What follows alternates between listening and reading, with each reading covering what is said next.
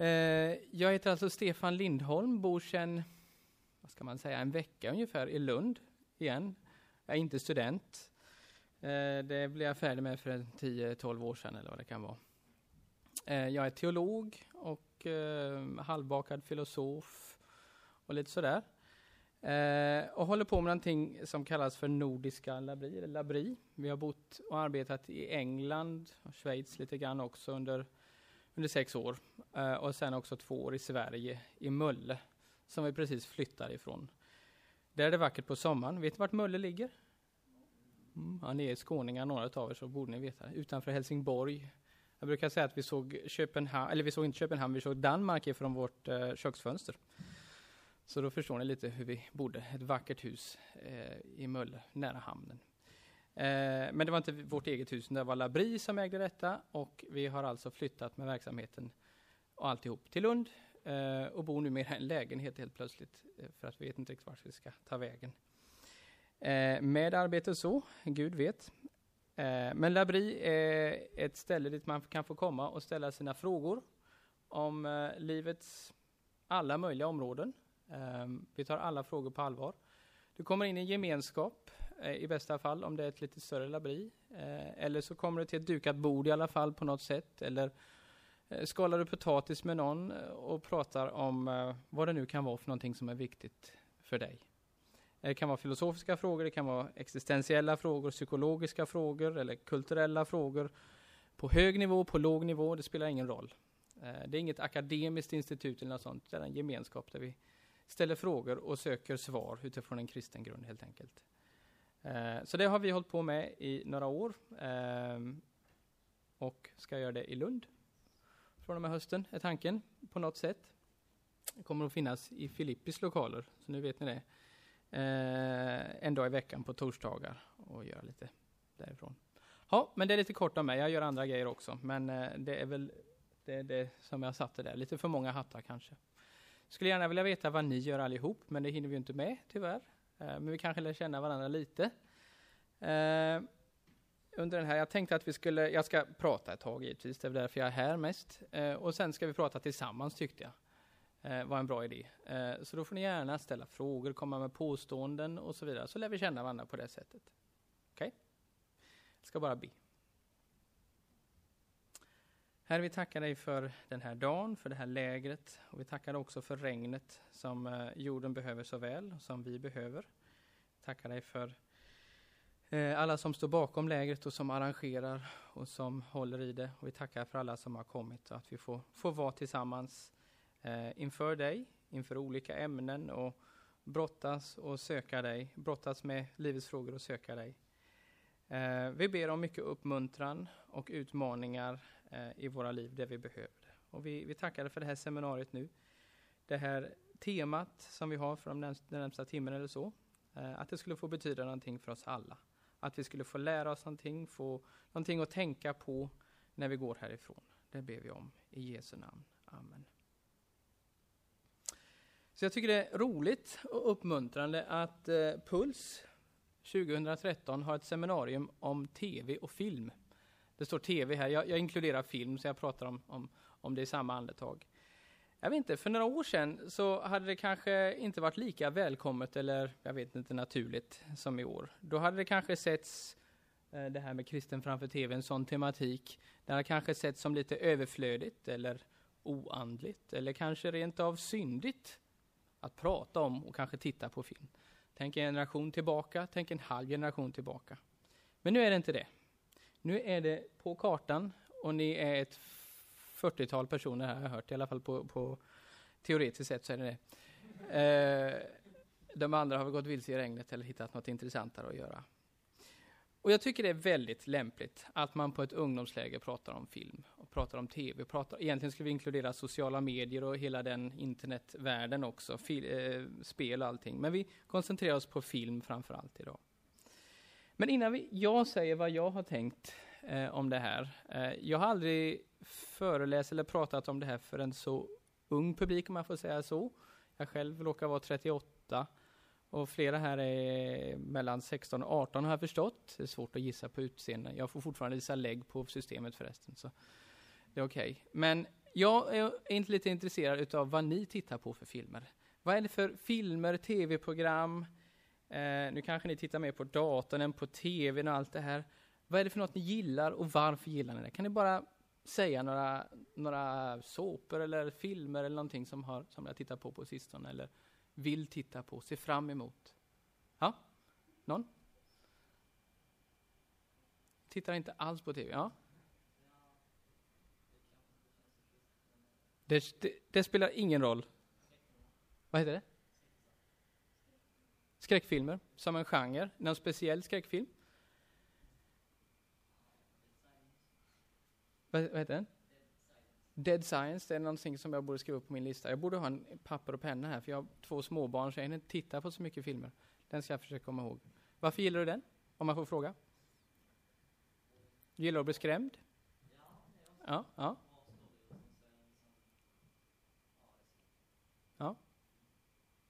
Den träffar rätt på något vis. Någon annan som har sett den? Känner till den? Nej? Någon? Ja, där? Du har sett den? Tyckte också den var bra? Eller? Lite högre. Ja. Helt okej. Okay. Ja. Okej. Okay. Ja. Andra filmer, någon som inte tittar på skräckfilmer så mycket? Ja. Matlagningsprogram, ja. Yes, vi är den mest matlagande generationen någonsin. Härligt. Något Tina eller vilket? Nej, Per Moberg? Nej. Mästerkocken, ja just det. Ja, är det någon annan som kollar på dem? Det är ju god underhållning. Ja. Bonde söker fru, ja just det. Robinson.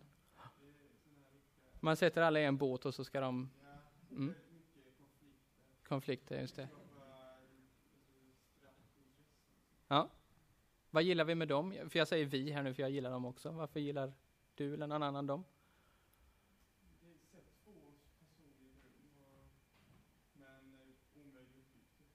Typ 43 personer i ett rum och, och mig. Ja.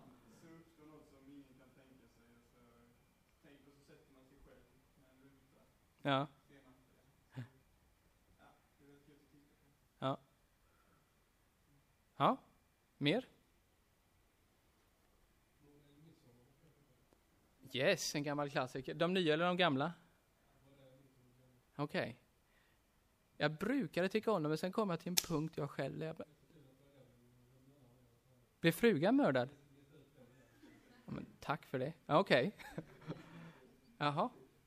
Men den, det är en ny eh, Midsummer nu va, som håller på att gå? Ja. Ja. Kriminalgenren är ju på väg upp både i bokform och filmform. Uh, så det är trevligt. Det är kanske lite mognare, jag gissar det. Om man säger så.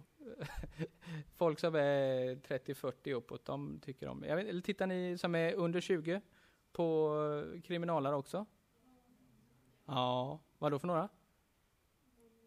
Morden i Midsummer, ja. Vad heter det? Ja, just det. Jag kan inte uttala det, men jag vet vad du menar. Ja. Wallander. Wallander. just det. Har ni sett BBC-versionen?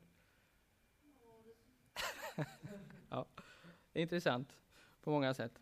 Okej. Okay, eh, Okej.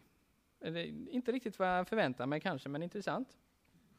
Eh, jag vet inte om ni tillhör genomsnittet i Sverige eller eh, Eh, Europa eller världen, det vet jag inte, men det är intressant. Eh, det, ni tittar på säkert på många andra filmer också.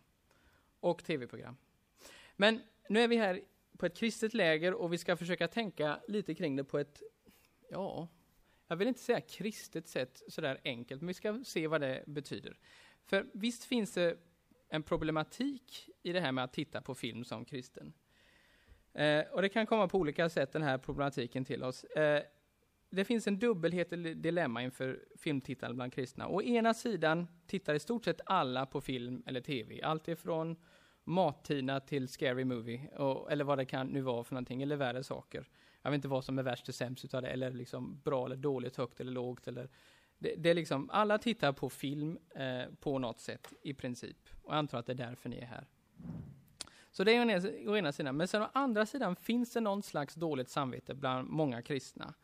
Eh, man skulle kunna göra något bättre. Till exempel läsa Bibeln, tänker en del, eller be, eller evangelisera, eller vad man tycker man borde göra istället. Arbeta med händerna, göra något nyttigt, hjälpa en medmänniska. Listan kan göras ganska så lång. Det finns någonting som är här inne, jag borde kunna göra någonting bättre än att bara sitta här och päsa. Okay. Så den dubbelheten hittar jag hos många kristna utav olika falanger. Bland icke-kristna finns det i princip inte den problematiken, eh, om de inte är ideologiskt inriktade och vill ut och hjälp, rädda världen eller sånt där. Men i princip alla tittar på filmen. Kristna har någon slags klump i magen lite grann, eller så har de svalt den för länge sedan och försöker ändå titta vidare. Eh, är det någon som känner igen den problematiken lite grann? Okej, okay. jag är inte helt fel ute. Eh, så den, den, varierar lite, men den, den, den, finns där skulle jag säga, och den kan se lite olika ut. Eh, och samma sak kan sägas om många andra underhållningsformer som sport, spela fotboll. I alla fall för två generationer sedan. Eller dataspel. Eh, eller sociala medier, eller internet, eller you name it. Eh, men det är tv vi ska fundera eh, kring idag.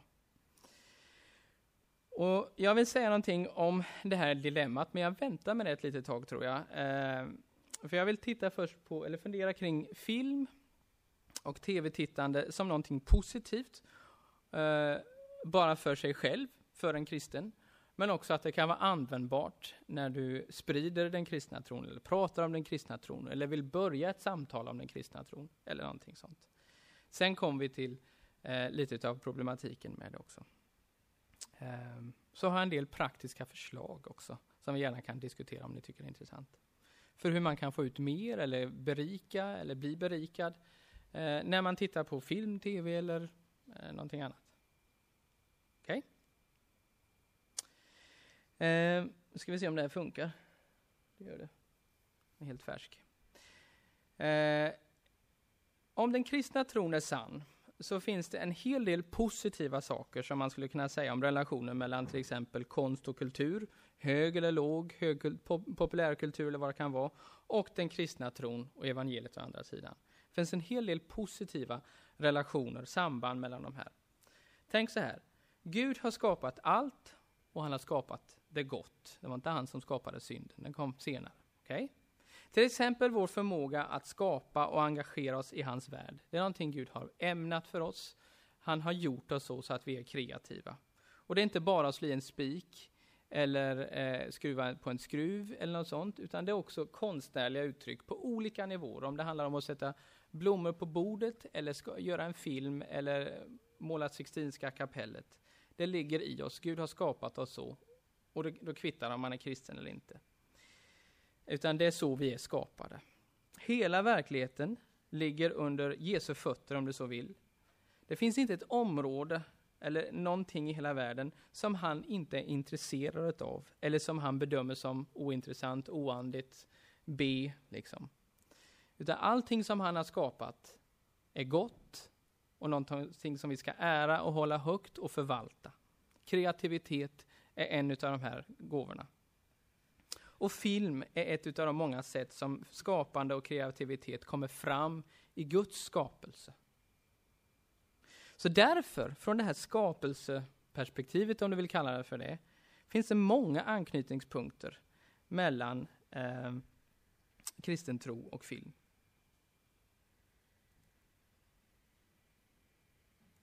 Där är vi nu. Eh, det finns teman i filmer. Många filmer, vi kan säkert tänka på, många, på några stycken. Eh, men som anspelar på den kristna tron, det är det enklaste sättet att tänka på det. Som filmmakaren eller filmmakerskan kanske medvetet, men oftast omedvetet använder sig av. Det kan handla om teman som nåd, nyckeln till frihet, är det någon som har sett den? Okej, okay, det är en av de mest uppenbara jag kan komma på. Sådär. Eh, eller relationen mellan synd och skam. Välj vilken Ingmar Bergman-film, om ni har sett dem. Eller Lars von Trier-film, fast de får ni kanske inte titta på. Eller eh, många andra filmer också. Philip Pullman är det på filmen. Om vi ska ta någon ungdomsklassiker. Eller för den delen Harry Potter. Eh, pratar också om synd, synden eh, och fallet. Eh, så det finns många teman där som, som, bara finns i filmens värld och som, som anspelar på kristna teman, medvetet eller omedvetet. Det bara är där. Varför? Därför att Gud har skapat verkligheten så, så att vi kan uppfatta de här sakerna. Det betyder givetvis inte att alla filmmakare gör kristna filmer. Givetvis. Vi ska, kan inte kalla en eh, film som Nyckeln till frihet för en kristen film. Bara människor kan vara kristna, eller hur? Eh, eller att de kanske vill, att de vill framställa den kristna tron. En del filmer är ju direkt eller indirekt kritiska till den kristna tron. Raljerar över den kristna tron. Eller, är, eh, eller framför värden och ideal och en hel värld som är emot den kristna synen på världen. I många samtidsfilmer och inte minst såpoperor uppmuntras vi oss att eh, så att säga rädda oss själva eller att tro att vi kan vara skapelsens herrar. Eller så kanske vi uppmuntras till att det högsta goda, det vi ska söka efter i livet, är min egen njutning.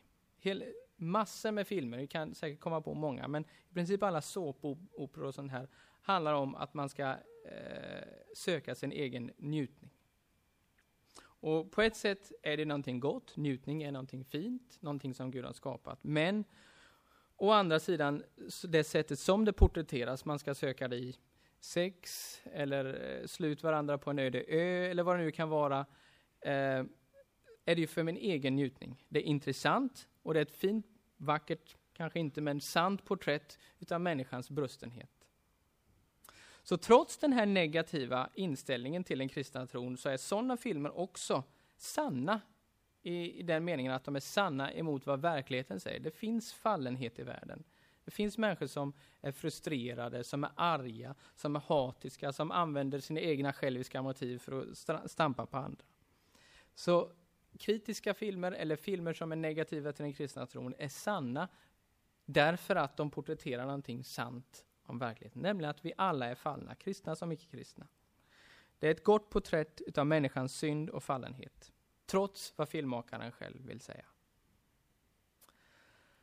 Eh, men den här slutsatsen om en så att säga kritisk film, kritisk till den kristna tron, en sån film kan man ju bara komma till, om filmen alltså, om man inte bara okritiskt sväljer vad, vad filmen säger, eller oengagerat tittar på den. Man måste ju tänka lite själv för att kunna använda filmen, se filmen på det sättet. Okay? Att vi kan närma oss filmer på de här sätten, nämligen se sanningar om verkligheten i dem, borde inte förvåna oss som kristna. Men det kanske gör det, men det borde inte förvåna oss. Alla människor, kristna som icke-kristna, är skapade till Guds avbild. Det betyder att det finns saker eh, det betyder att det finns saker i världen som vittnar om Gud, om den Gud som har skapat oss. Och allt som finns. Att man inte är kristen, eller om man ännu inte kommit till insikten om att man behöver Gud eh, och sökt hans försoning, tar inte bort det här faktumet att vi är skapade till Guds avbild. Synden har inte tagit bort vår likhet med Gud. Och det är därför som icke-kristna filmskapare kan göra stor konst som berör människor, som säger någonting sant om världen. Den engelska, ska se här. Den engelska författarinnan Dorothy L. Sayers eh, var kompis med C.S. Lewis och gänget. Eh, eller kanske ännu mer tolken. Så att vi är som mest lika Gud när vi skapar något. När vi skriver en bok, när vi spikar i en spik eller vad det nu än vi gör. Vi bygger något, vi får ihop något, vi gör ett grupparbete eller vi, vi, tänker, vi skriver en sång.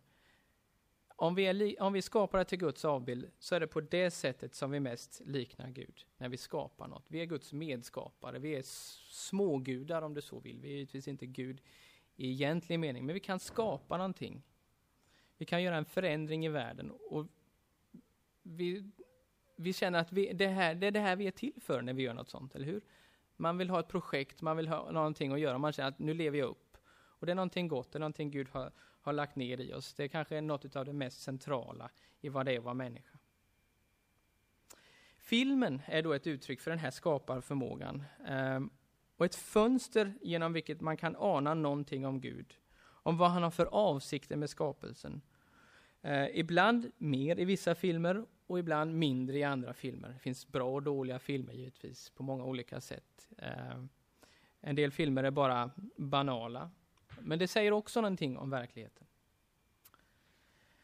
Eh, så i filmen skulle jag säga att vi har ett koncentrat, alltså en väldigt koncentrerad version utav det som berör oss alla, nämligen verkligheten. Ibland väl framställt, ibland inte så väl framställt, men det finns alltid någonting där som berör oss. Vad är då förhållandet mellan filmen och verkligheten? Filmen, oavsett om det är en spelfilm eller en dokumentär eller vad det nu kan vara, säger någonting om verkligheten. Det uttrycker någonting.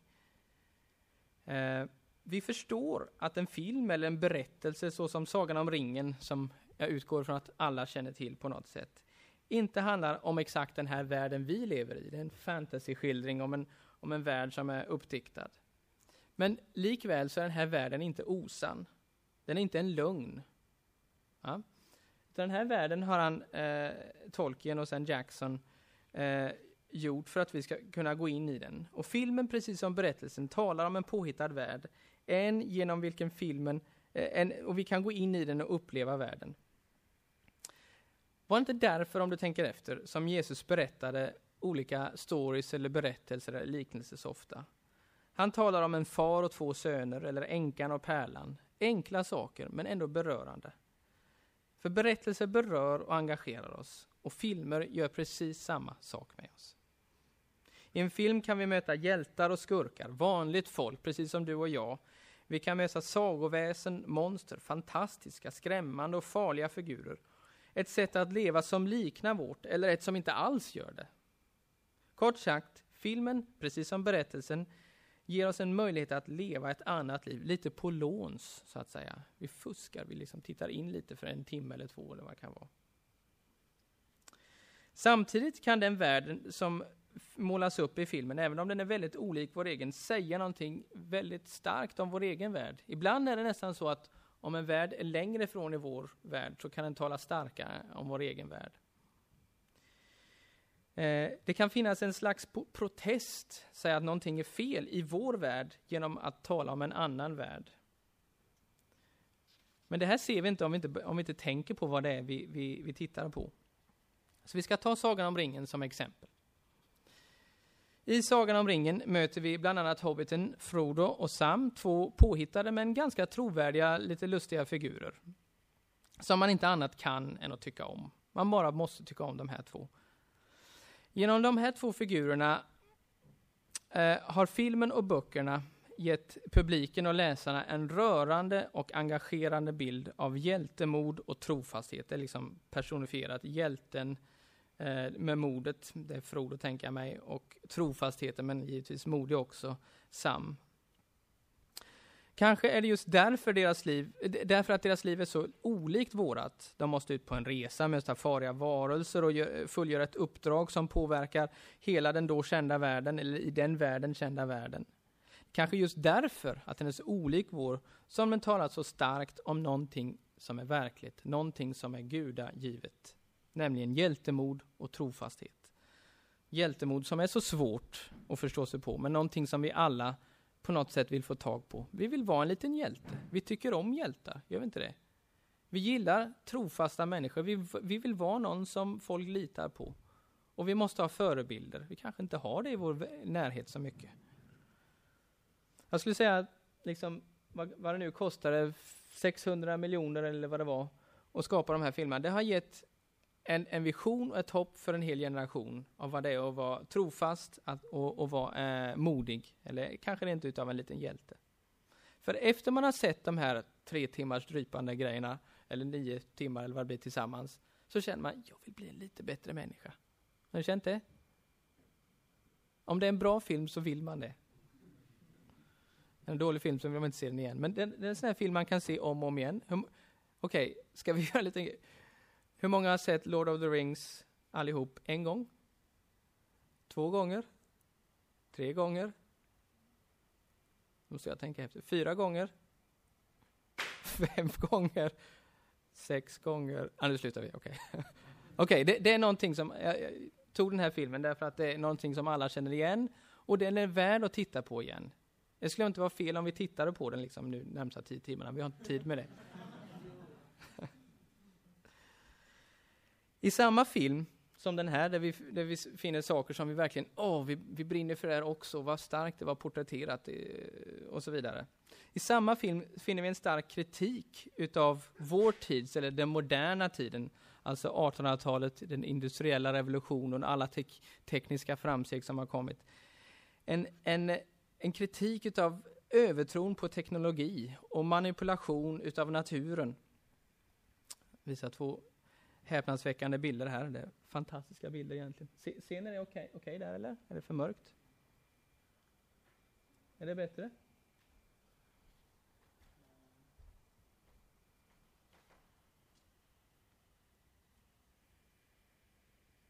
Det ser mörkt ut härifrån, men ni ser vad det är va?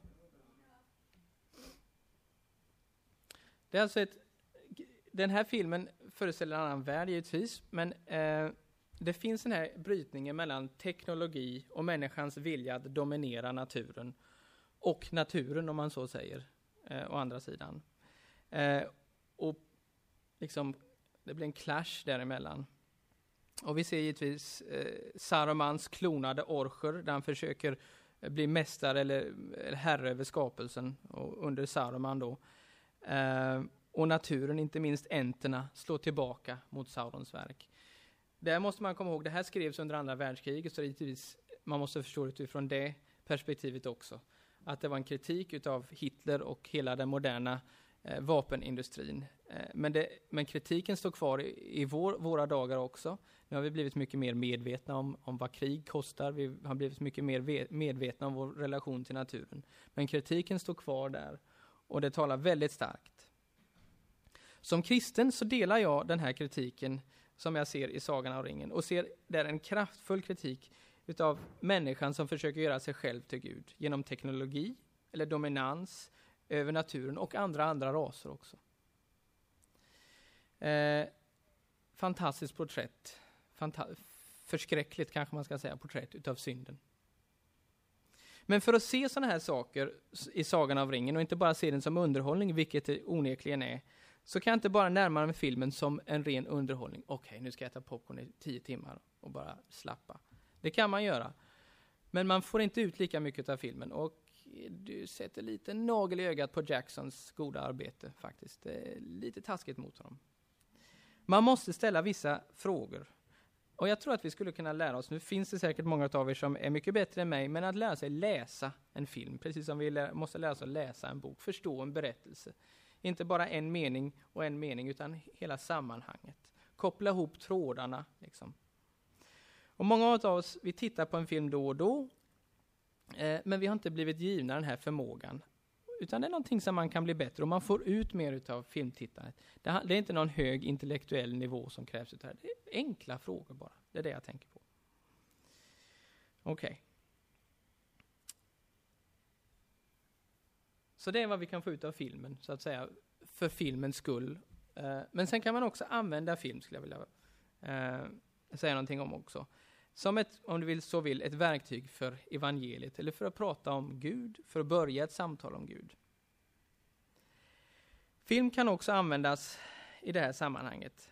Till exempel en hel film, centrala teman i en film eller en viss scen kan utgöra ingångs punkter eller broar för att tala om större frågor eller bereda väg för evangeliet. Men de flesta idag har väldigt lite kunskap om den kristna tron, eh, förutom på pulsläger och sådana konstiga ställen. Och de är allmänt ganska skeptiska till den kristna tron, eller avvaktande. Inte alltid ointresserade när man väl kommer igång. Eh, de vill ha alla sina floskler sagda först, men korstågen då? Men alla mord i Gamla Testamentet? Så, Sen finns det inte så mycket mer. Sen kan samtalet komma igång, men de har alla de här grejerna ofta. Eh, och, men för att liksom hitta en shortcut här så kan man använda filmen. Eh, Francis Schaeffer, han som grundade Labri, sa att eh, vi därför idag, eh, nu för tiden, under 1900-talet och framåt, måste hålla på ganska mycket med det han kallar för förevangelisation, det vill säga börja att prata om grundläggande frågor om verkligheten, om sanning, moral och så vidare. För om du pratar med någon som inte delar tron på att det finns en objektiv sanning eller i någon form en sanning som man kan komma fram till historiskt, så har du ingen möjlighet att prata, få ett vettigt samtal om, om vad Bibeln säger till exempel. Utan du måste börja lite innan. För två generationer sedan var inte det här samma problem. Då fanns det också mycket mer kunskap om den kristna tron. Men de här grundläggande frågorna om hur verkligheten är funtad, vad vi har för plats i den och så vidare. Eh, det är helt annorlunda nu än för två generationer sedan. Så filmen, eller saker i filmens och tvns värld, kan då vara ett sätt att komma igång med ett samtal om tron och bereda väg för evangeliet. För det är så att man kan smyga bakom föreställningar som folk faktiskt i verkligheten har, fast de, inte påst fast de påstår att de inte har. Så tänk på någon som säger att det finns ingen sanning, eller all sanning eh, är bara det som jag känner eller det som jag tycker. Det är sant för dig, men inte sant för mig. Okay? Har ni träffat någon sån någon gång? Vi är alla så lite till mans också när det passar oss, kanske till och med. Okay. Så du har någon som, som, som tänker så, och du av någon anledning vill börja prata om den kristna tron. Okay. För att kunna påstå sådana saker som, som man säger att det finns ingen sanning, så förutsätter det att det finns en sanning. Nämligen sanningen om att det inte finns någon sanning. Så alltså, de här grundläggande sakerna är så grundläggande att de är svåra att prata om till och med. De är nästan lite konstiga när man säger dem så här. Eh, men filmens värld accepterar folk nästan utan att tänka. Och där förutsätts en sanning. Där förutsätter man att det finns ett rätt och ett fel. Vi kanske inte det kristna rätt och fel, men det finns ett rätt och ett fel och så vidare. Och du kan på något sätt eh, få en snabbare ingång till att börja prata om de stora frågorna med folk. Om, eller när ska jag säga, någonting är sant i en film. Ska vi se här, vi kommer dit. Eh, om eller när någonting är sant i en film så är det därför att det är så som Gud ville ha världen. Eh, det vill säga, eh, alla sanningar är Guds sanningar. Antydningar i filmer till sköna saker, vackra saker, goda saker finns där eftersom de uttrycker någonting om Gud. Gud har så att säga lite patent eller ensamrätt, eller inte lite utan helt och hållet, patent eller ensamrätt på det som är sant, gott och skönt eftersom han är deras ursprung och källa. Så en icke-kristen kan man säga lånar alla de här sakerna ifrån den kristna traditionen, arvet, sanningarna. Som kristen, när du börjar prata med någon, och det handlar inte bara om film, men kanske inte minst om film, så handlar det om att du kan börja bygga broar till de här sakerna och den kristna tron. Du måste inte börja liksom, ja, och så har vi 5000 eh, manuskript som bevisar att eh, det nya testamentet är trovärdigt, eller Guds existens är sann på grund av bla bla bla. Du kan börja direkt här, men du säger ju att du tycker om, ja men det är därför att, har du någon bättre förklaring? Filmen är ett fantastiskt sätt att komma direkt in på sådana frågor. Bygga, bygga broar. Eh, för det som folk gillar i allmänhet i filmer är ofta saker som är goda. I allmänhet. Det kan vara både och givetvis. Va? Det finns saker som vi inte borde gilla som vi ändå applåderar åt. Eh, men till exempel saker som jag nämnde, hjältemod eller mod, vishet, kärlek, vad det nu är, kärlek, något som vi är intresserade av och vill ha, rättvisa, en moders omsorg om sina barn, eller vad det nu kan vara. Allt det här är sånt som vi dras till på något sätt. Och varför? Jo, därför att det har sin ursprung i, i Guds skapande aktivitet. Gud har gjort oss så, sådana. Eh, I alla fall kan du påstå det och då får du ett väldigt intressant samtal sen. Då kommer liksom mycket snabbare dit. För att kunna tala trovärdigt så behöver vi nämligen veta om vart människor är, vart de befinner sig. Unga som gamla, rika som fattiga, lärda eller olärda. Vart de befinner sig i livet, vad de tänker om verkligheten, sig själv, Gud eller inte tänker alls. Och ett av de mest effektiva sätten att förstå vad människor tänker och hur de ser på världen är att fundera över de filmer och tv-program som de ser på. Så, jag vet inte, jag är inte så mycket för gatuevangelisation, men om du nu skulle ge dig in på det, så det bästa sättet är inte, vill du ha det här traktatet om Jesus eller känner du Jesus? Kanske. Ibland kan det vara helt rätt. Jag säger inte att det är fel. Men det kan vara ett annat sätt. Vad tycker du om för filmer? Eller vad tyckte du om den senaste så och så filmen? Börja prata om det. Och lär dig hur man läser film. Jag bara säger testa det. Det är mycket bättre. Låt mig ta ett eh, exempel på vad jag menar lite mer konkret. Eh, hur många har sett den här killen? Känner ni igen honom? Eh, Darin, lite yngre. Det där är ganska gammalt foto kommer jag på. Vad kan det vara? Sju år gammalt? Sex, sju år? Åtta? Han vann inte. Han vann inte. Han kom tvåa, kommer ni ihåg det? Eller vet ni det? Ja, han vann inte. Nu är han idolen. Han som vann, han är helt bortglömd, stackarn. Han sjöng mycket bättre, tycker jag. Det, jag tror det var första säsongen av Idol det här, va? Är det någon som kommer ihåg? 2004. Okej. Okay. Du kommer ihåg det? Bra gjort. Och det stämmer förresten. Jag vet vart jag bodde nu. Okej, okay, Idol och alla liknande program. Alltså det är en av många. Hur, kan ni nämna några fler liknande program? Talang? X-Factor? The Voice? The list goes on. Alltså det är en ganska, det, det är en, eh, en massproduktion av sådana här program, idolprogram om vi kallar dem så. Uh, eller, eller den typen av program som sätter tio personer i ett rum, eller eh, Bondgårds, Robinson-typen. Det, det, är lite av samma sak. Den bästa man eller kvinna ska vinna. Och, men vad är det alla de här har gemensamt? Om vi, om vi funderar över det här. Folk tittar på det här, det är uppenbart. Ni tittar på det, eller? Lite intresserade av vem som vinner X-Factor nästa gång. Jag klandrar inte alls. Eh, så mycket kanske. jag har tappat intresset för det tror jag. Eh, ibland är det intressant, men, men på något sätt så vill alla se det här. Och jättemånga vill vara med i det. Jag vet inte hur många tusen sökande varje gång. Kanske 10 000 som går omkring. Det enda de gör är att söka på de här. Det tänker jag ibland. Hur många människor är det som vill vara på de här grejerna? Men det måste vara var och varannan. Känner ni någon som har sökt? Något sånt här? Ja, ja, ja. Så det, det, är ganska vanligt. Det är liksom utbrett. Och det är etablerat. Men vad är det de har gemensamt? Alla den här typen av programmen. De vill uppmärksammas. De vill bli uppmärksammade, de vill bli något. De, jag skulle säga så här, de, skulle, de vill bli sedda.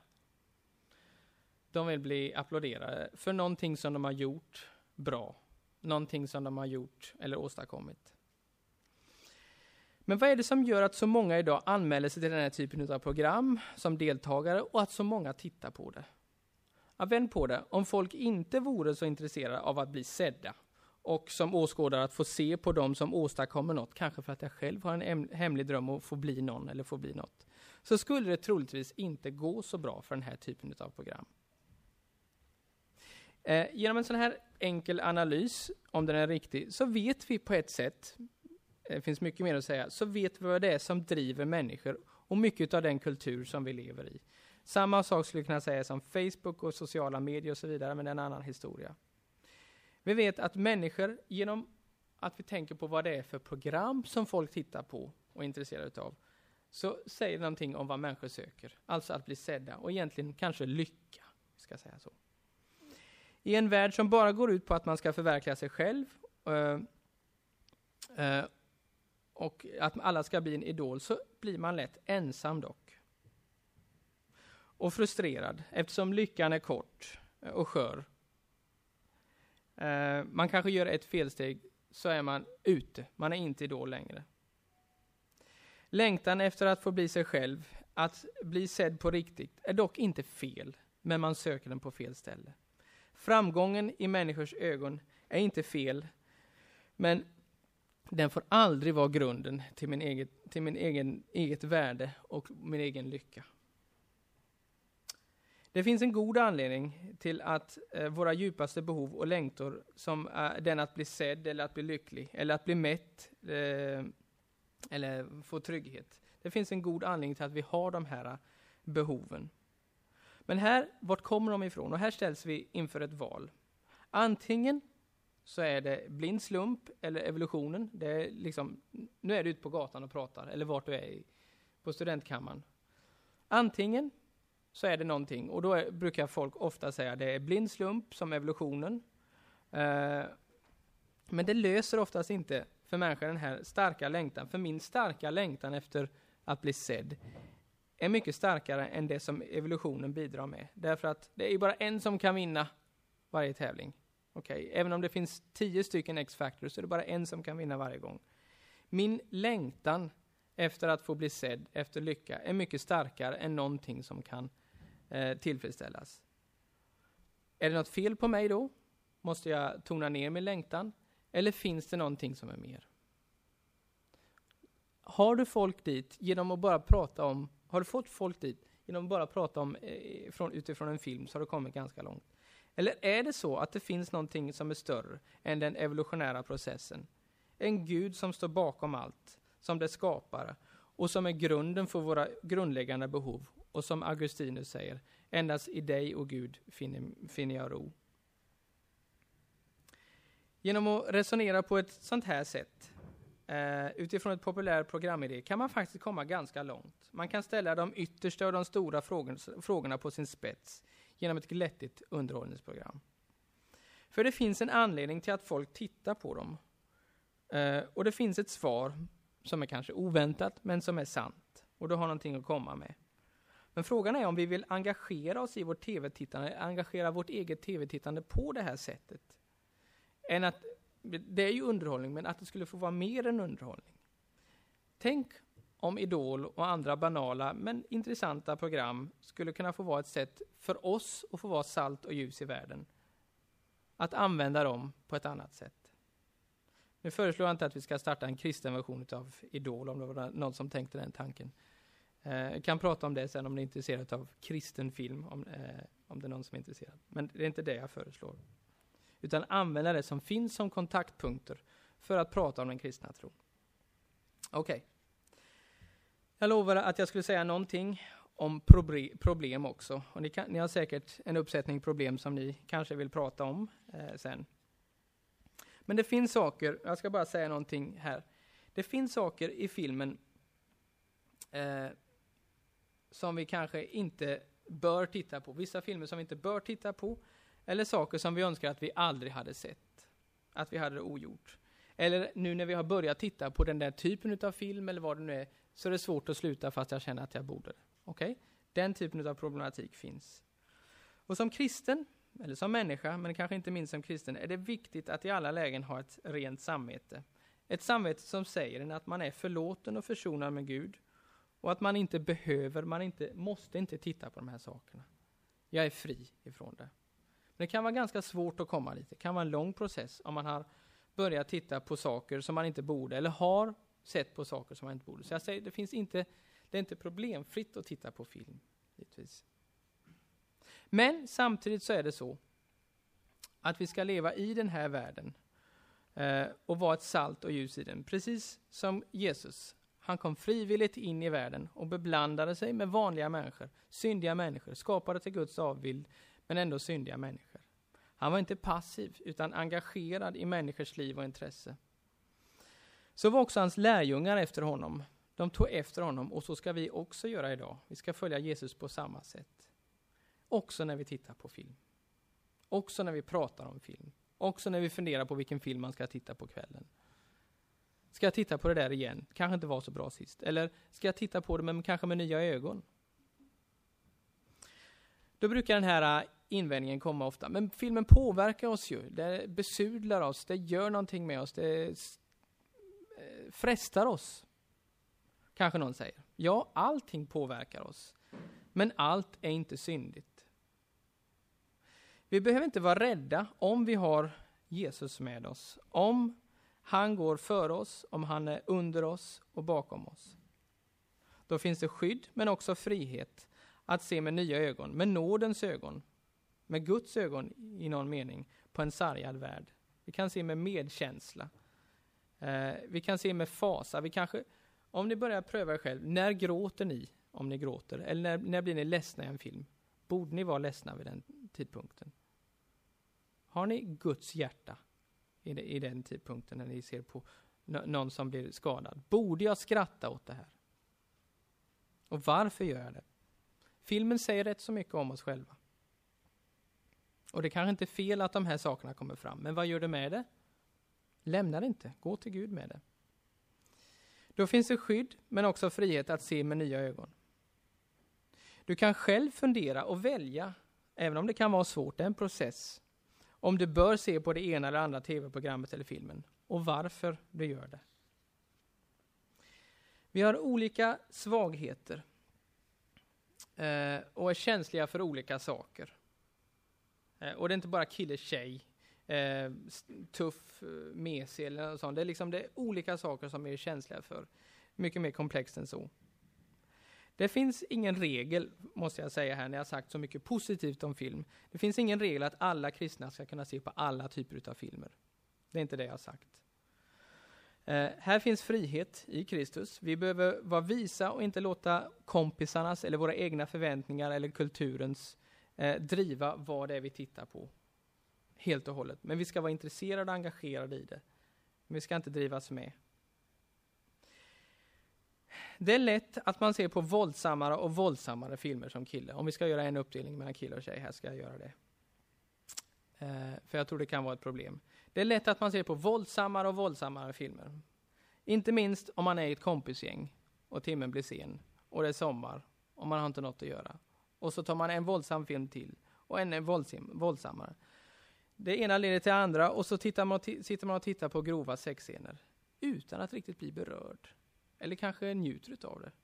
Steget är inte långt till porrfilmer. Internet är bara ett knapptryck bort nu för tiden. Eh, vi ska inte gå in på några procent hur många som har tittat på det, absolut ingen handuppräckning. Men det, det, här, det här är vad fil filmer gör med oss, om vi inte tänker till. Det kommer skam, det kommer disharmoni och dilemmat som jag började med, för en kristen kommer upp. Eller så blir man uppgiven. Det finns ingen lösning. Ja. Det är för killar. Tjejer då, är de, är de inte, har de, har de inga problem med filmtittandet? Eh, de kan ha precis samma sak som jag sa nu. Eh, I alla fall om man tittar på undersökningar, det är procentuellt inte helt jämlikt, men det är inte långt ifrån. I alla fall utanför kyrkan. Det vill säga, tjejer blir intresserade av våldsammare och våldsammare filmer och det ena leder till det andra och så tittar man på, på porrfilmer eller värre saker. För tjejer kan det vara likadant idag, men det är troligt, i alla fall kanske, och det här är min gissning, jag, jag har inte sett någon forskning eller någonting på det, men det här är min gissning, och det, jag vet att det är känsligt, så vi, vi, får, vi får vara känsliga när vi pratar om det. Alla de här sakerna. Men det är troligt att tjejer ser mer på romantiska eller relationella filmer. Kanske ni säger nej, så är det inte alls. Men så tror jag att det är. Och eh, har jag fel så kanske det är bra på sätt och vis. Men romantiska filmer leder ofta till mer romantiska filmer. Och som leder till en bild utav mig själv som är ganska verklighetsfrämmande. In i en fantasivärld om hur det perfekta förhållandet ska vara, hur den perfekta killen ska vara. Och så blir man väldigt besviken när man träffar den här killen som har helt andra förutsättningar, som kanske har sett på helt andra filmer. Och det blir inte så lätt. Så det är klart att det finns filmer som är förkastliga, som inte är, de ska vi inte titta på. Uh, för att, varför? Jo, därför att de endast tjänar mitt eget behov av tillfredsställelse. En porrfilm har inget annan, ingen annan kvalitet än, än, än tillfredsställelse. Det är det enda, enda poängen med det. En annan film som Lord of the Rings har många flera dimensioner. Den är endimensionell. En porrfilm och den typen av filmer gör oss till små människor. Lord of the Rings gör oss till stora människor. Så det, det påverkar oss på det här sättet. Så jag, jag, hoppas jag har varit ganska klar av, över vad det är som är problem med de här filmerna. Och det, då, då räknar jag in alltså romantiska komedier till viss del här. Eller romantiska filmer som eh, glorifierar eh, tjejer och killar och, på ett visst sätt. Eh, men jag skulle också vilja påstå att det finns många andra filmer, kanske filmer som vi vet hur de ska sluta. Många Hollywoodfilmer kan på sätt och vis fungera på samma sätt. Det är bara för att tillfredsställa oss. Vi vet vad vi får och sen så är det slut. Flykt. Det handlar inte om sex, eh, men en Hollywoodfilm fungerar på samma sätt. Eh, men de är ju rumsrena, så därför så pratar vi inte om det. Jag tror att det kanske inte är så mycket mindre skadligt än en porrfilm. Det är ett ganska starkt påstående, men det är någonting vi kan fundera över tillsammans. Förstår ni vad jag sa nu? Hollywoodfilmer är inte så mycket bättre, alltid än porrfilmer. Ja, om det är det enda du tittar på. Eller om det, det är framförallt det du tittar på. Och, det, och du tittar på det för att få en viss känslo, känslostämning, komma en viss känslostämning och sen så är det slut. Den tillfredsställelsen. Det, det har samma funktion, det, det, är samma struktur om du så vill i vårt tittande på, på de filmerna, ibland. Jag säger inte att vi inte ska titta på Hollywoodfilmer, men, men det, det finns den här problematiken i även de filmerna som vi tror Eh, är rumsrena. Här får... Mm. Kan, kan vara. Jag säger inte att det är varje gång, men kan vara. Här får var och en pröva sig själv. Det, det, är relativt i meningen att det är olika vad vi gör med vårt filmtittande. Hur vi använder det. Det bästa skulle vara att vi gick in i smågrupper och pratade om det givetvis nu, men jag, jag vill ändå föra upp det här, för jag vill inte liksom gå omkring problemen som finns med filmtittande, och inte, nu, in, inte minst nu med internet, utan jag vill nämna någonting om det. Så det finns filmer som är förkastliga, men det finns sak, filmer som inte är förkastliga, som, men som kanske inte är så enkla att se ändå. Det kanske, finns, det kanske finns svåra scener som är moraliskt frustrerande eller svårförståeliga eller komplexa känslomässigt på något sätt. Eh, återigen, här är inte lika svart, det är inte svart och vitt. Alla måste titta, titta på allt. Och det finns saker som man inte orkar med, kanske just i den situationen i livet, eller kanske aldrig. Man kanske inte orkar, som förälder kan jag inte se på när barn lider givetvis. Det, eller, jag kan bara inte det längre. Eh, det kunde jag på något sätt, lustigt nog, för några år sedan. Eller jag berördes inte lika mycket av det. Eh, så, så här, här, är det ju inte svart och vitt, eh, men det finns filmer som ändå inte är förkastliga, men som är svåra, men som inte är nödvändigtvis fel att se på. En film påverkar oss eftersom den för oss någonstans, och på ett sätt måste filmen få låta föra oss någonstans in i den här världen, för att vi ska förstå den. Vi måste så att säga ge oss till filmen för, för så länge som den håller på, för att vi ska förstå den. Genom filmen förstår vi vad det är att vara hjälte eller skurk eller offer. Eh, på ett sätt som jag aldrig kanske annars skulle kunna göra, för jag har inte den erfarenheten. Så det är inte på, bara påverkan i sig, att vi blir påverkade, som är problemet. Som att jag skulle bli smutsig bara för att jag tittar på en våldsscen, utan det är vad jag gör med det. Kanske det till och med är en lite luddig syn på synden om man, om man pratar om synd som smutsar ner oss.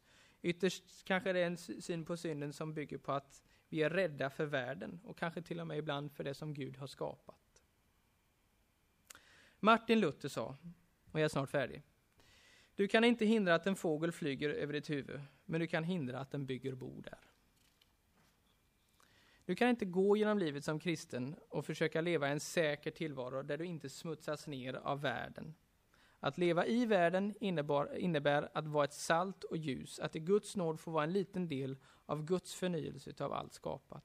Det gör att du kommer att leva annorlunda, men du kommer inte ta avstånd ifrån allting som har med populärkultur att göra. Du kommer säkert fortsätta att titta på X-Factor och alltihop. Ett problem som oftast inte ses som ett problem med filmtittarna, det är att se på det som enbart underhållning. Men tänk om vi skulle göra filmtittarna till någonting mer. Jag tittar på film för underhållningens skull. Vi har två barn och under, under graviditeterna tittar vi, då hyrde vi hem sådana här långa serier. Dr. House är svår att slå, men det, liksom, jag, jag gillar någonting i den där karaktären. Man vet lite vad man får varje gång. Man blir utmanad att inte tänka så mycket. Så det, det, jag säger att jag själv är del i det här. Det, det blir nästan lite pornografiskt va? när man tittar på samma sak varje gång. Eh, men det finns ett problem med det där att man tittar på film så mycket och på det sättet. Och det är det problemet jag vill att vi skulle eh, fundera lite kring. Filmtittande som enbart blir en flykt, det får vara en flykt ibland. När man har jobbat en hel dag, skönt, yes, jag vet vad jag får. Men om det är det enda som vi gör med den tiden, så kan man fundera, vad, vad betyder mitt lärjungaskap när jag tittar? Kan jag liksom bara stänga av, jag är, jag, jag, jag är lärjunge 22 timmar, minus de här två timmarna. Eller vad innebär det i mitt liv? Kan jag göra någonting mer med det? Det ställer jag bara som en fråga här eh, mot slutet. För om vi ska vara kristna så ska vi vara det i alla livets stunder, framför tvn också. Vi kan vända oss till Gud i bön, eh, kanske över hur vi ser på film och vad det är vi ser, så att vi kan förstå och engagera oss som lärjungar, inte bara som vad det nu är vi är när vi tittar framför tiden, passiva. Eh, på det här området också. Hur ofta har du lyft fram de eventuella problemen du har med filmtittandet i bön? Och hur ofta har du bett om att förstå en film bättre? Eller kanske använda den eller något sånt? Eller vad den försöker säga? Bön ser inte jag som någon genväg eh, här, ett slags boost som gör att du bara kan hoppa förbi massa steg och så blir det bra. Utan bönen menar jag här kräver att vi är villiga att låta oss stå under Guds andes beskydd och inspiration när vi tittar på film. Det kommer att hjälpa oss att tänka och känna, eh, men det kommer inte låta oss slippa tänka och känna. Utan att vi gör det i Jesu efterföljd, i vilken allt synligt i himlen och på jorden är skapat. Så kan vi glädja oss i, eh, engagera oss i och förfasa oss över filmens värld. För det kanske är den rätta responsen ibland till vissa scener. Okej, okay. det, var, det var i princip det jag skulle säga. Jag har några kritiska frågor man kan ställa eh, till filmer också, om ni vill höra dem. Men det, den viktigaste kanske är, är, man skulle kunna gå in på världsbildsprat och eh, Eh, vad det är som driver filmen och så vidare. Men, men det enklaste sättet att, att prata om en film, kanske lite mer personligt, är när, när, du tittar på den här filmen eller på den här scenen, vad det nu kan vara, ställ dig den här frågan då. Gillar jag det här? Tycker jag om det här? Och var ärlig. Och sen ställer du en annan fråga. Borde jag gilla det här? Utifrån min kristna tro. Ärligt och ödmjukt. Gör jag det? Då kommer du ganska långt i ditt filmtittande. Okej, okay, jag tror det är vad jag har att säga. Nu, nu har ni säkert en massa eh, funderingar, hoppas jag. Jag eh, hoppas att ni kommer några och kanske fått några till längs vägen, eller så går vi och fikar. Vad säger ni?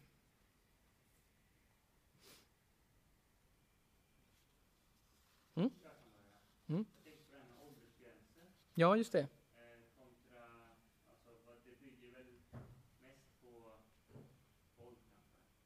Ja, tyvärr. Ja. Vad, vad som är... Eller, mm.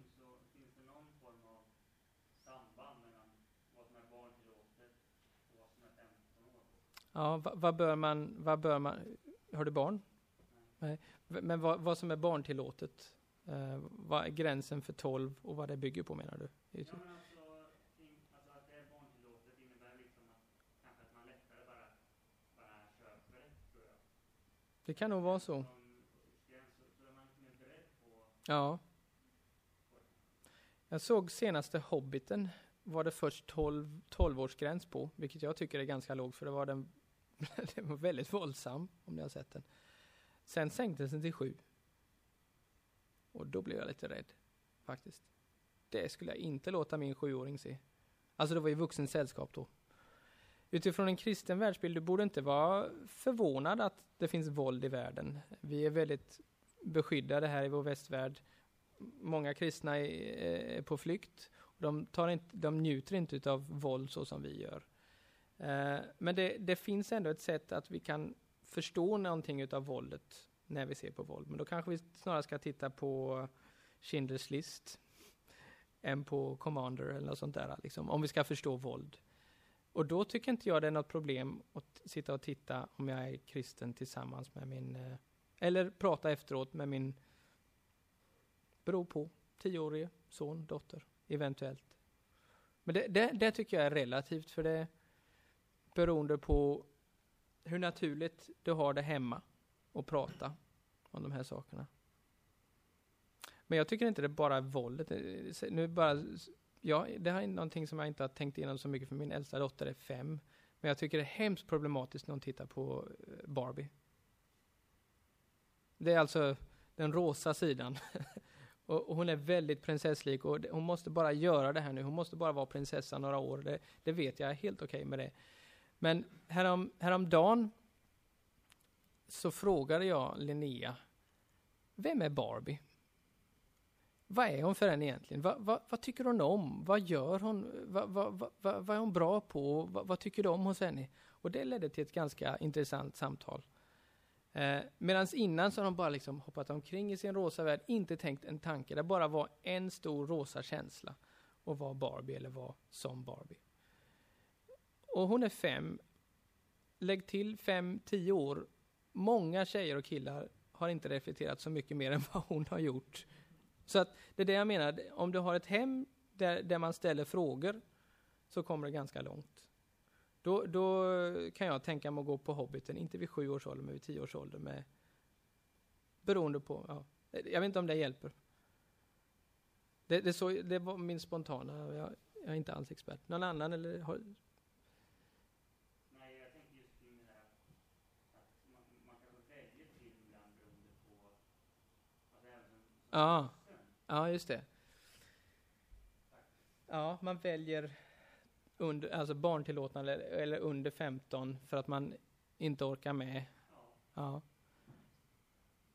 ja jag skulle säga att svåra filmer skulle inte, alltså 15-årsfilmer borde inte vara bara utifrån våldet och sexscenerna. Men eh, det är väl så det har blivit. Jag, tyck, jag tycker det finns, jag kan komma att tänka på rätt många filmer som jag tyckte, tycker borde vara 15 års, eller kanske det är. Ja, kan du komma på något konkret exempel? För jag liksom, jag, de filmer jag kommer på, jag vet inte hur kända de är.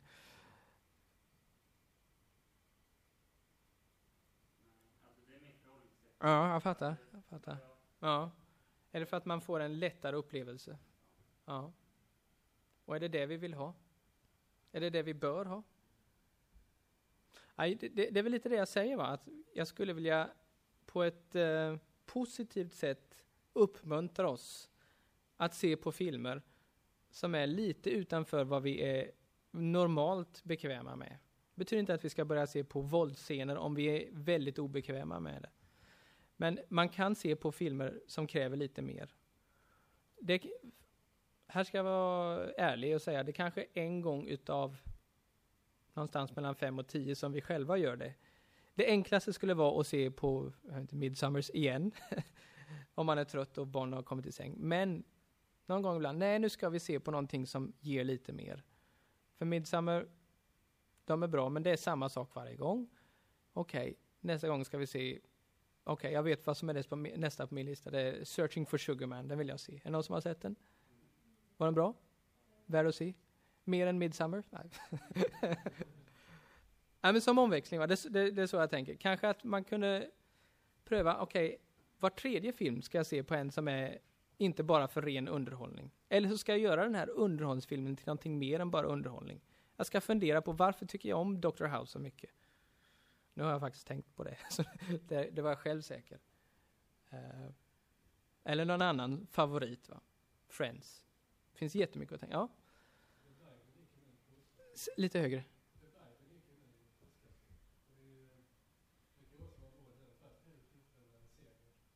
Kan du säga en gång till? The Bible, ja. ja. Tack och lov. Det är ju våld i bilen.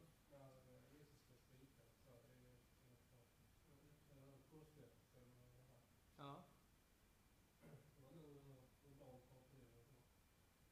Hur ba vad barn tyckte om The Bible? Ja, det, jag såg det. Jag såg det inte. Nej, jag, jag tror man kan, eh, man kan titta på våld med sina barn om man pratar med dem om det. Eh, men det får inte vara så att problemet snarare är att barn är avtrubbade inför våld än att de blir rädda för våld idag. Det är nog snarare det som är problemet. Där ni kommer ifrån kanske det är annorlunda.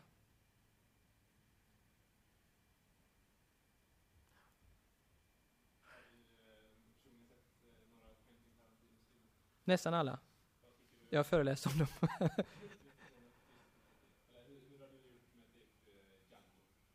Som jag inte har sett än. Som också finns på. Louise kommer aldrig att se den.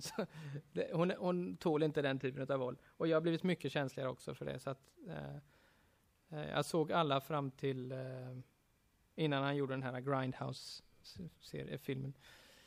Eh, jag tycker han är en fantastisk filmmakare. Eh, och han är halvt galen, tror jag. Men också ett geni på att framställa saker.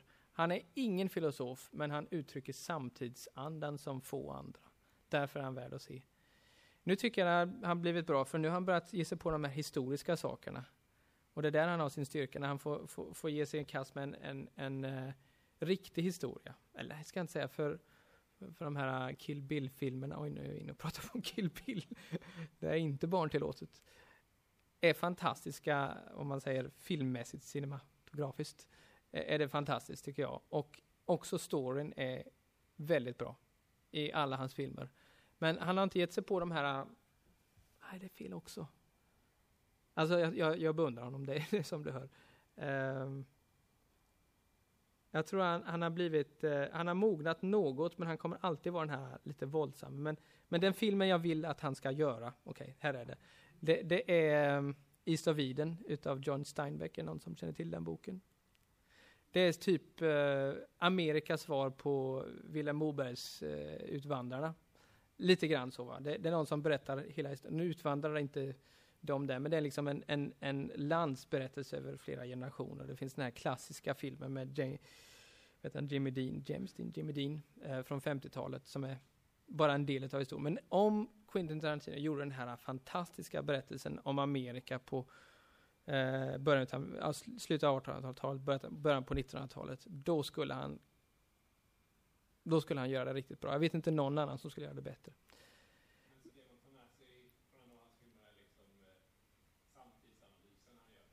Mm, nej, inte gör utan uttrycker. Uttrycker. Uh, ja, det, det, är nästan, jag får nästan leta upp en föreläsning om jag ska börja prata. För det, ja, ja. Um, um, om, man, om man tar de här våldsammaste, nu, nu, nu, pratar vi verkligen om våld här, nu är det inte liksom bara lite pang-pang, utan det är ju samurajscener eh, och blodbad är det ju, och det, det, blir på något sätt konstnärligt i det hela. Och det, då, då, kan man verkligen ställa sig frågan, gillar jag det här? Och jag kan säga, ja det gör jag. Varför gör jag det? Jag vet inte. Men det är någonting, det är en väldigt bra fråga. Varför tycker så många i den här generationen om när, när, när de i, i Pulp Fiction bara pff, råkar skjuta, skjuta någon i baksätet av misstag. Så här, och så skrattar man åt det. Varför skrattar jag åt det när jag borde gråta över det? Det är fantastiskt bra på att framställa synden, tycker jag. Jag rekommenderar inte alla att titta på det. Men eh, gör det tillsammans med någon. Om du vill. Eller om du pratar, läs på lite om det i förväg och så. Våld ska man inte vara rädd på för det sättet, utan det, det är mera vad våldet inte bara gör med oss, utan vad vi låter göra med oss. Tror jag. Um, jag tror att hans filmer handlar mycket om dels primitiva känslor, men också uh, värden som hjäl inte hjältemod utan hämnd. Och uh, lite som de grekiska gudasagorna. Uh, man ska ta hämnd på, på, man har liksom förlorat sin ära. Det är lite av en annan tid som vi har glömt sådana ideal. Eh, nämligen hämnd och ära. Det, det, är inte helt främmande för den kristna tron heller. Gud är på sätt och vis en, inte hämndgirig så att han vill eh, eh vill ha ihjäl folk för sakens skull, men han, han, är en våldsam gud på sätt och vis också, samtidigt som han är kärleksfull. Så att det finns tematiker där i också. Nu, nu är jag ute på, inte djupt vatten, men jag är ute på en, en tråd här som säkert många skulle vilja fråga en del om. Men, men, men det finns mycket i hans filmer på det sättet. Ja, det var synd att du nämnde Tarantino. Ja. Ja. Ja, vad vill skräckfilmer göra?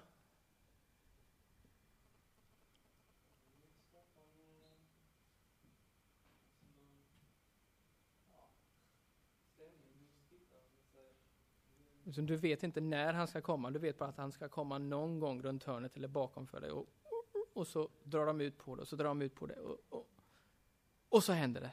Egentligen är det inte själva blodet du är intresserad av, utan det är liksom just nu. Det är det, du, det är det du är ute efter. Det, det är därför vi kallar skräckfilmer, liksom det ovetande, det händer snart. Den känslan som inte så många har så ofta. Det kan givetvis bli lite halvpornografiskt också om vi bara tittar på skräckfilmer hela tiden. Och det liksom vi... Men jag tror att eh, skräck är en riktig del av det mänskliga registret av känslor. Och som många av oss inte har så ofta. Och det är väl synd att vi bara ska få det genom film om det så är fallet. Men film är ett medium eh, som jag, jag, tror det kan vara rätt att få det genom. Jag brukar säga ibland att barn måste ibland vara rädda. De måste bli rädda för att akta sig för saker. Och jag tror förr i världen så pratar, berättar man mera spökhistorier och så vidare. Jag har inte berättat så många spökhistorier, men jag, jag tror det är bra om barn känner den här skräcken ibland. Eh, det, det, eh, vi, ska, vi ska inte vara rädda för den känslan, helt enkelt. Ja, det är inget jättebra svar, men det, det, det är från magen och från hjärtat. Det är lite reflekterat. Va, vad skulle, du som tycker om skräckfilmer, vad säger du? Vad är du ute efter? Du bara tycker om det. Borde du?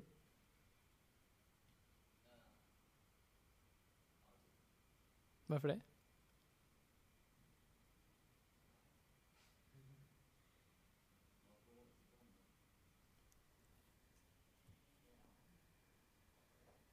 Vad sa du?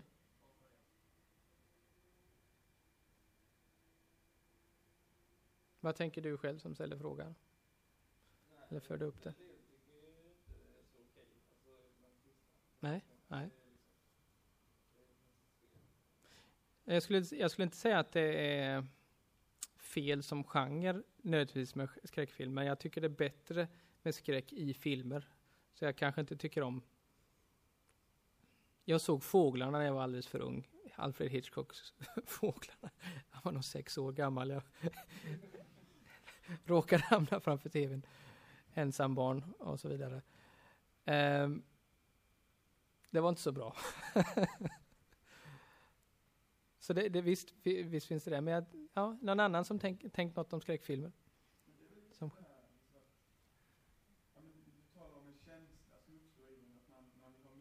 Mm. Mm.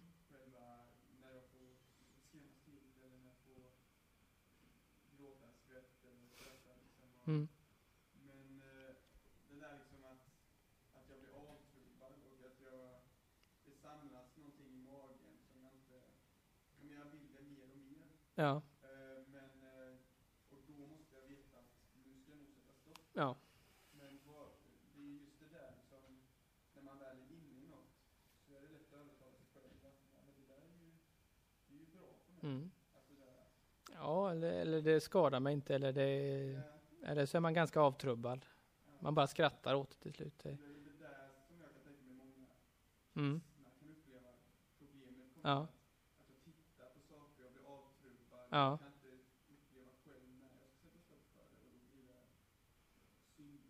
Ja, alltså det, det, finns ju teorier om förhållandet mellan det vi ser på film och det vi gör i verkligheten sen.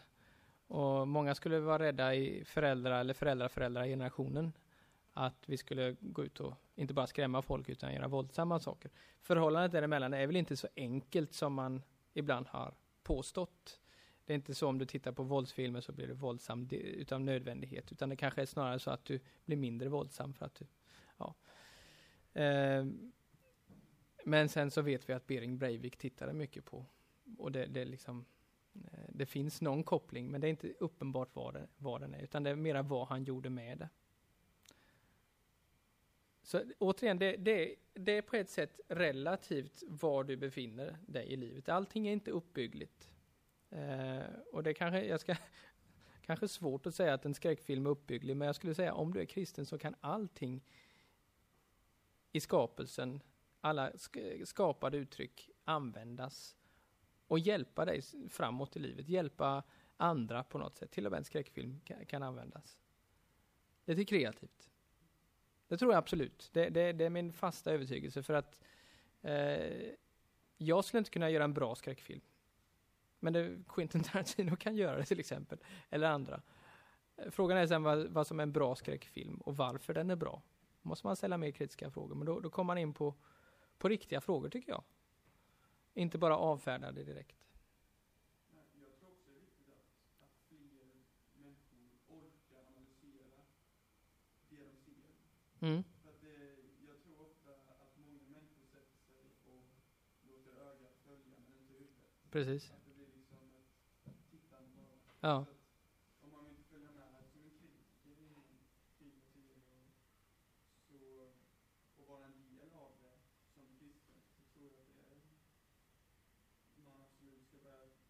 del. Mm.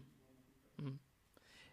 En del när man säger precis vad du sa och som jag har sagt också, be, måste eller behöver börja tänka mer som kristen känner ett slags tvång, ett slags eh, filt som lägger över, inte det också. Oh. Och, och, det hoppas jag inte att det är någon som går härifrån och känner, utan jag, jag försökte göra det här som en inbjudan att berika ditt liv, och att också, men också lite utav en utmaning till att tänka igenom det här området också. Det är inte ett oandligt område. Det är inte så att du kan skriva, stänga av din kristna tro här. Och jag har försökt tänka lite kring det här mest och försöka väcka frågor. Får jag bara avsluta, för vi ska, jag tänkte vi skulle försöka sluta lite tidigare. Bara säga några praktiska, det var säkert fler som ville säga något, eh, sett, men, men jag, bara några saker eh, som kan hjälpa, lite mer praktiskt, handfast kanske. Eh, några kallar det för råd, för, eh, som vi har använt i olika sammanhang. Vi tittar mycket på film tillsammans i, i labrisammanhang. Vi har haft en, kan jag säga, en eh, Oscar-vinnare i vår mitt. Han var student första året jag var där och vann sen i år vann han, eller förra året, eh, priset för bästa animatör. David Walter. Eh, han satt där, två meter framför mig, första gången han såg en icke-Hollywood-film och hans ögon gick, blev så här. Just det, min kristna tro. Allt det jag tycker om. Yes! Han kom från en så liten kristen värld och man bara såg hur, allt, hur världen öppnade sig för honom. Och så idag är han en, en av världens bästa, får man säga, animatörer. Eh, så vi har hållit på med det här och det, det, är liksom framgångshistorien för min del. Men, men, men det finns någonting att vinna på det här eh, också. Så det jag vill uppmuntra mer än att lägga, eh, mer än att komma med någon piska på någon. Så det första är, välj film som går, som ibland i alla fall, välj film som går utanför din comfort zone. Var tredje gång, var femte gång eller något sånt. Eh, och det måste inte vara den svåraste filmen, det kanske bara någon som tar emot lite till.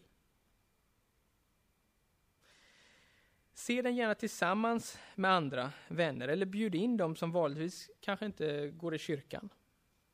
Det är ett jättebra sätt. När vi var studenter i Lund eh, för tio år sedan eller vad det var, så fylldes vårt eh, vardagsrum varannan vecka med mellan 20 och 30 studenter. Och eh, kristna som icke-kristna. Och så delade vi upp oss och pizzan kom in genom fönstret och satt och pratade till småtimmarna. Och jättemånga samtal kom därifrån. Kan varmt rekommenderas, inte minst om du är en student, studentmiljö. Eh, flera ögon ser mera. Finns flera olika perspektiv. Koppla ihop flera trådar. För filmen är inte liksom så här, det här är vad filmen handlar om, utan det är många intryck på samma gång. Och du måste själv göra mycket av jobbet. Så därför, passivt tittande ger inte så mycket, utan börja prata om det efteråt.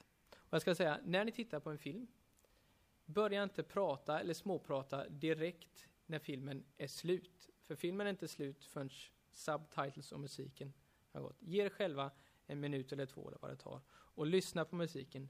För den är där oftast i alla fall, eller ibland ska vi säga, av en anledning. De ville ha den musiken och den tiden av en anledning. Bara, ni får li lite mer utav det då. Låt någon presentera filmen, någon som gärna har läst på lite i förväg, Wikipedia eller vad som helst.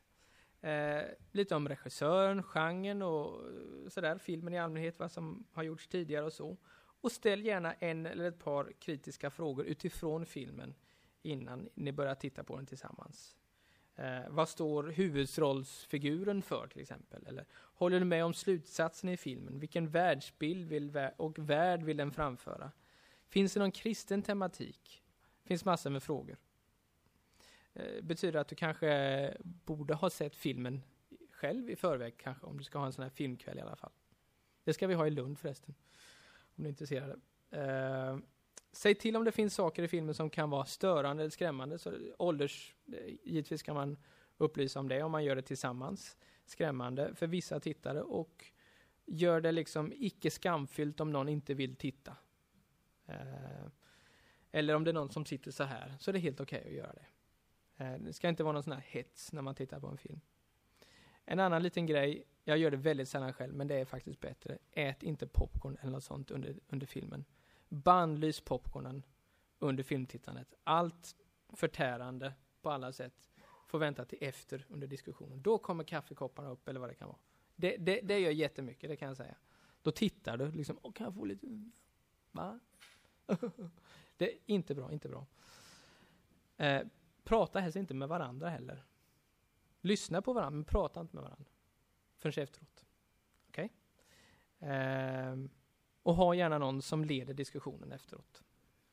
Det är några praktiska råd som jag vet fungerar bra. inte minst om ni ska göra tillsammans. Det måste inte vara liksom evangelis evangelisationssyfte, ni kan göra tillsammans med kristna kompisar fredagskvällen. Men ni kan göra mer utav det. Om ni bara gör en eller två av de grejerna kommer det bli mycket bättre. Tack så mycket.